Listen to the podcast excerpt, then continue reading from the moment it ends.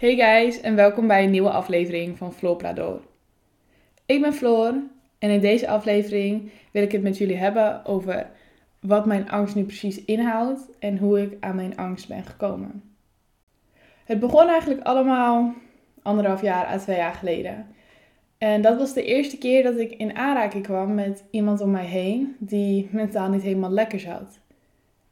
En ik was op dat moment 15 en ik had echt geen idee wat ik daarmee moest. Want ik had zoveel medelijden gelijk met die persoon en ik wilde er gelijk voor die persoon zijn. En ik wilde alles maar doen wat ik kon doen voor diegene, zodat diegene zich misschien iets beter ging voelen. Maar ik wist gewoon niet hoe. Ik wist niet wat ik moest doen. Ik wist niet hoe ik mij moest gedragen. En dat heeft ervoor gezorgd dat ik eigenlijk gelijk heel snel maar rekening met alles wilde gaan houden. Want ik, ik wist niet waar ik nou precies op moet letten. Dus ik wilde met overal wilde ik rekening mee houden. Dus als ik wist van, oh, niet over dit onderwerp praten bij die persoon, ging ik daar niet over praten. Ik ging uh, zoveel mogelijk contact houden met die persoon. En ik ging me echt investeren in die persoon. En mijn leven ging draaien om die persoon. En dat is niet omdat die persoon daarom vroeg, maar dat is gewoon mijn respons, hoe ik ermee omging. En dacht dat hoe ik ermee om moest gaan. En uiteindelijk kwamen er steeds meer mensen bij om mij heen die iets hadden. En ik had gewoon geen idee hoe ik daarmee om moest gaan. Want het waren voor mijn gevoel best veel mensen om mij heen. En ik, moest, ik wilde zelf met iedereen rekening gaan houden. En zo vaak mogelijk met die mensen afspreken. En zoveel mogelijk voor ze doen. En het leven zo makkelijk mogelijk te maken. En geen last zijn voor die mensen. Maar uiteindelijk kwam ik in die rol van: oké, ik weet dat ik hier, hier en hier niet over mag praten bij die persoon. Maar per ongeluk had ik wel over een van die onderwerpen gepraat. Of kwam het in een gesprek voor of iets. En toen dacht ik: shit. Maar ik weet dat die persoon hier getriggerd door kan raken. Of het niet fijn vindt om hierover te praten. Maar het gesprek ging er wel over. Dus dat betekent dat diegene misschien getriggerd is en zich dus um, kut gaat voelen. Maar misschien houdt dat kutgevoel wel vast tot in de avond. En voelt die persoon zich zo kut en stapelt het allemaal zo erg op dat die persoon zichzelf pijn gaat doen of iets. Omdat ik begon over dat gesprek, ging die persoon zich dus kut voelen en ging die persoon zichzelf pijn doen. Zo ging het in mijn hoofd. Dus ik ging mij verantwoordelijk voelen, want ik was zelf over dat onderwerp begonnen. En kijk, het is niet mijn schuld dat diegene getriggerd kan raken door dat onderwerp. Maar het was wel mijn schuld dat ik over het onderwerp begon. En ik werd steeds meer paranoia, want ik wilde steeds beter voor die mensen te zijn en ik wilde steeds meer rekening houden. Alleen ondertussen werden het steeds en steeds meer mensen dat ik erachter kwam dat het niet goed ging met ze. En de hele tijd was ik van: wow, ik heb nooit doorgehad dat jij niet zo lekker ging. En nu opeens hoor ik hele verhalen. En dan ging ik mij weer schuldig voelen dat ik het niet wist. En toen dacht ik van wow shit, je kan zo lang niet doorhebben dat het niet goed gaat met iemand, terwijl diegene vervolgens al heel lang zich kut voelt. Dus toen werd ik ook nog bang dat je weet niet zoveel over mensen. Kijk, je weet misschien waar ze naar school gaan, hoe oud ze zijn, bla bla bla. Maar de eerste paar keer dat je ze ziet, weet je niet hoe het mentaal nou echt met ze gaat.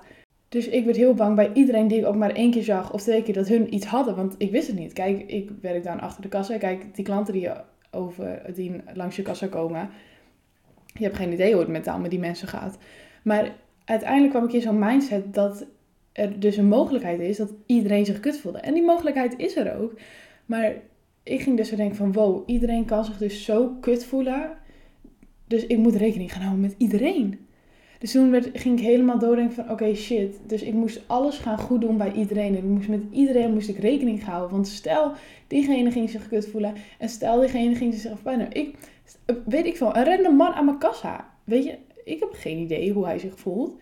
En als ik per ongeluk een klein foutje maak aan de kassa, dan is dat niet de grootste ramp. Maar ik dacht wel, shit, ik heb een foutje gemaakt aan de kassa. En nu moet die klant moet langer wachten. En uh, nu gaat die klant zich kut voelen en bla bla bla. En ik ging helemaal doordenken. Ik ging me zo schuldig voelen tegenover die klant. Waarvan je denkt, yo, chill. Het is niet heel erg als je een foutje maakt. Weet je, het kan gebeuren. Die klant moet misschien twee seconden wachten.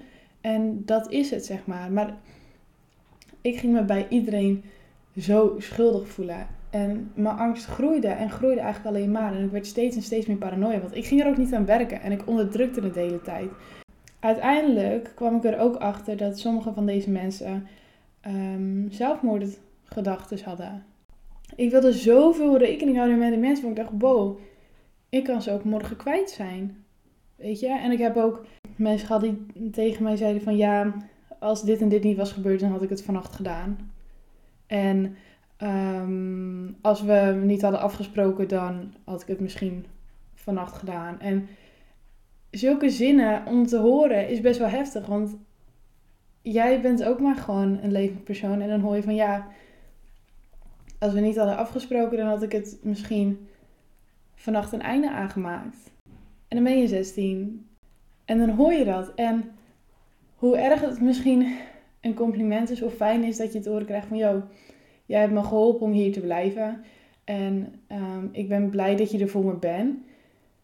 Maar aan de andere kant kreeg ik zo'n verantwoordelijkheidsgevoel over me heen. Want als ik er niet was geweest, had misschien diegene wel een einde. Of nou, niet per, se, niet per se van als ik er niet was geweest, maar als ik niet gevraagd had om af te spreken. Ik zeg nu niet dat ik de enige reden ben dat diegene misschien uh, nou nog leeft. Weet je, dat klinkt misschien een beetje na te zeggen. Maar zo wil ik niet dat ik al die eer op me wil strijken. Helemaal niet, zo bedoel ik het niet. Maar ik bedoel, als je dan heet van yo, of hoort van yo, als je niet had gevraagd om af te spreken, dan had er wel een einde aan kunnen komen vannacht. Want ik kon het echt niet meer volhouden. En dat is echt best wel heftig om aan te horen. Ik wist gewoon weer niet hoe ik daarmee om moest gaan. Want je wilde zo graag voor die persoon zijn. Dus het enige wat je gaat doen is meer afspreken. En meer diegene appen en meer contact houden. En meer en meer en meer en meer rekening houden. Want je weet, ik kan diegene morgen kwijt zijn. Dus uiteindelijk kreeg ik ook een mindset dat ik gewoon mentaal voorbereid was op iemand kwijtraken de volgende dag. Als ik wist van oké, diegene voelt zich echt niet goed, dan moet ik niet raar van opkijken als diegene de morgen niet meer is. En die mindset had ik echt. Wat ik vast zei als ik het doe zei tegen iemand, was het echt zo: doei, niet doodgaan alsjeblieft. Ik, dat was echt een zin die ik zei. En iedereen nam er dan eens een grapje op, maar ik meende het serieus. Weet je, ik meende het serieus. Of ik het nou tegen iemand zei die mentaal niet lekker zat, of tegen iemand zei die mentaal gewoon oké was. Ik zei tegen heel veel mensen gewoon, yo, hey, doei, weet je, tot volgende week. Niet doodgaan alsjeblieft, weet je. Zelfs dat ging ik zeggen, ik raakte zo paranoia, want nu was het niet meer alleen dat ik rekening moest houden met hun, omdat ze anders zichzelf misschien pijn ging doen. Maar ik moest rekening houden met iedereen, omdat ze er morgen niet meer zouden zijn anders. Want ik was bang dat ik dan weer een met iets kon zijn wat de laatste druppel was. En dacht van, yo, ik peer hem. En ik raakte daardoor zo paranoia. Want als jij weet dat iemand de volgende dag er niet meer kan zijn, maar jij wilt dat diegene blijft. Je weet gewoon niet wat je moet doen en je weet niet wat je kan doen. En ik raakte daardoor helemaal fucked up eigenlijk. Helemaal. Ik wist gewoon niet wat ik moest doen. En dat heeft eigenlijk voor mijn angst gezorgd. En dat is de angst die ik nog steeds heb. Gewoon de angst dat als ik iets verkeerd doe of fout, dat diegene dus zichzelf pijn gaat doen. Of in het ergste geval dus zelfmoord gaat plegen. En nu ik het eigenlijk zo vertel en het er nu zo over heb, denk ik echt van wow. Weet je, ik krijg nu allemaal flashbacks van momenten die gebeurd zijn en ehm, gesprekken die ik gehad heb. En denk van, joh, dit is best wel heftig. Ehm, voor mij in ieder geval wel. Weet je, al denk ik, als iemand in precies dezelfde situatie zat als mij, en diegene die zou er anders mee omgaan, dan hoef je helemaal niet deze angst eraan overgehouden te hebben. Echt niet. Geloof me. Ehm, dit is gewoon de manier waarop ik ermee omging, omdat ik mij heel snel verantwoordelijk voel voor iets. Ik wilde gewoon zo graag voor mensen zijn dat ik dat dus boven mezelf ga zetten. En die twee dingen in combinatie met Ehm, wat er dus om mij heen gebeurde en gesprekken die ik gehad heb, heeft dus eigenlijk gewoon voor deze angst gezorgd. Deze aflevering was wel iets korter, maar ik heb eigenlijk alles verteld wat ik wil vertellen. En ik wil het ook niet langer maken dan dat het is. Dus heel erg bedankt voor het luisteren. En ik zie jullie volgende week weer. Groetjes.